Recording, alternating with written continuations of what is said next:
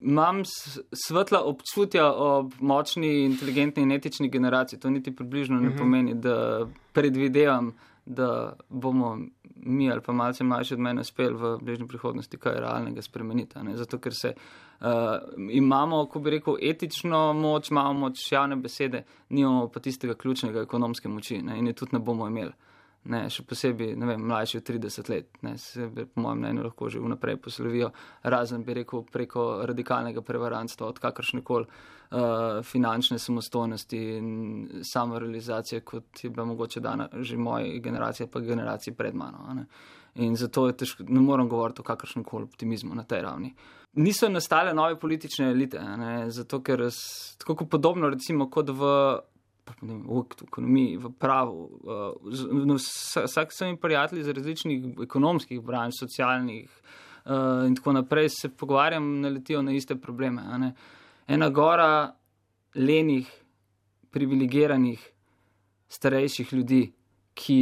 Edino, kar za res intenzivno počnejo, je to, da branijo svoje privilegije. Ne.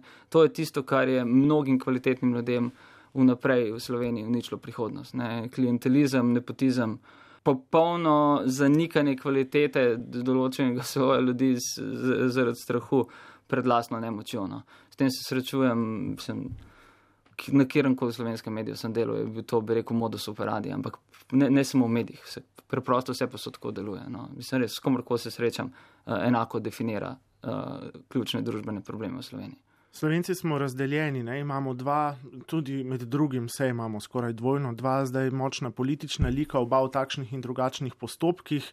Eden in drugi bi morala vsaj iz politike, če ne še kam drugam, z njima pa verjetno še en kup drugih igralcev iz ozadja ali pa tudi iz odspredja.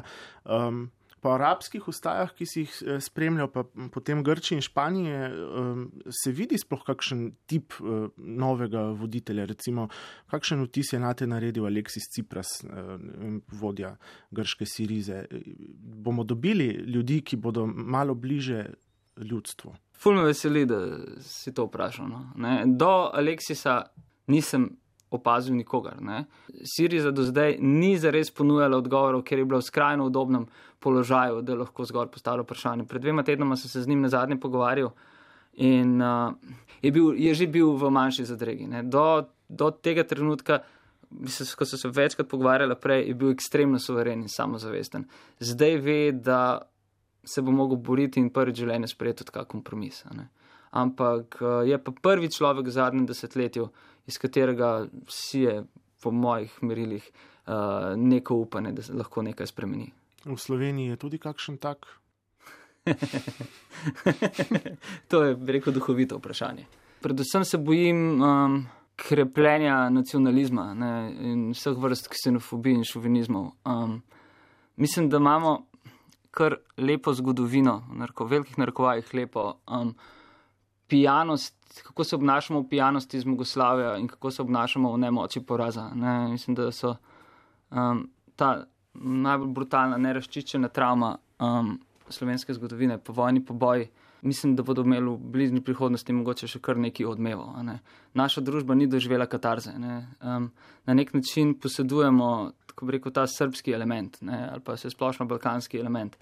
Vrsta ljudi podzavestno pričakuje, da bodo nagrajeni za nekaj, kar jim ne pripada, eh, in vrsti ljudi, ki nimajo ničesar, oziroma imajo malo, bodo vzeli še tisto, kar so sploh kadarkoli imeli. No, mislim, da je slovenska družba zelo, zelo intenzivno drvi, drvi v tak prepad, kjer se bomo mogli soočati s svojo resnico. No. Um, Ervin Hladnik Milharčič je pred enimi, predtem sem delal svoj prvi intervju s Karlo Del Ponte, mi je, mi je rekel, da je tako zelo zanimiv stavek. Če bi uh, Slo vojna v Sloveniji trajala kak mesec dlje, ne, leta 91, bi bil hak poln slovencev, bolj se ne bi mogel strinjati.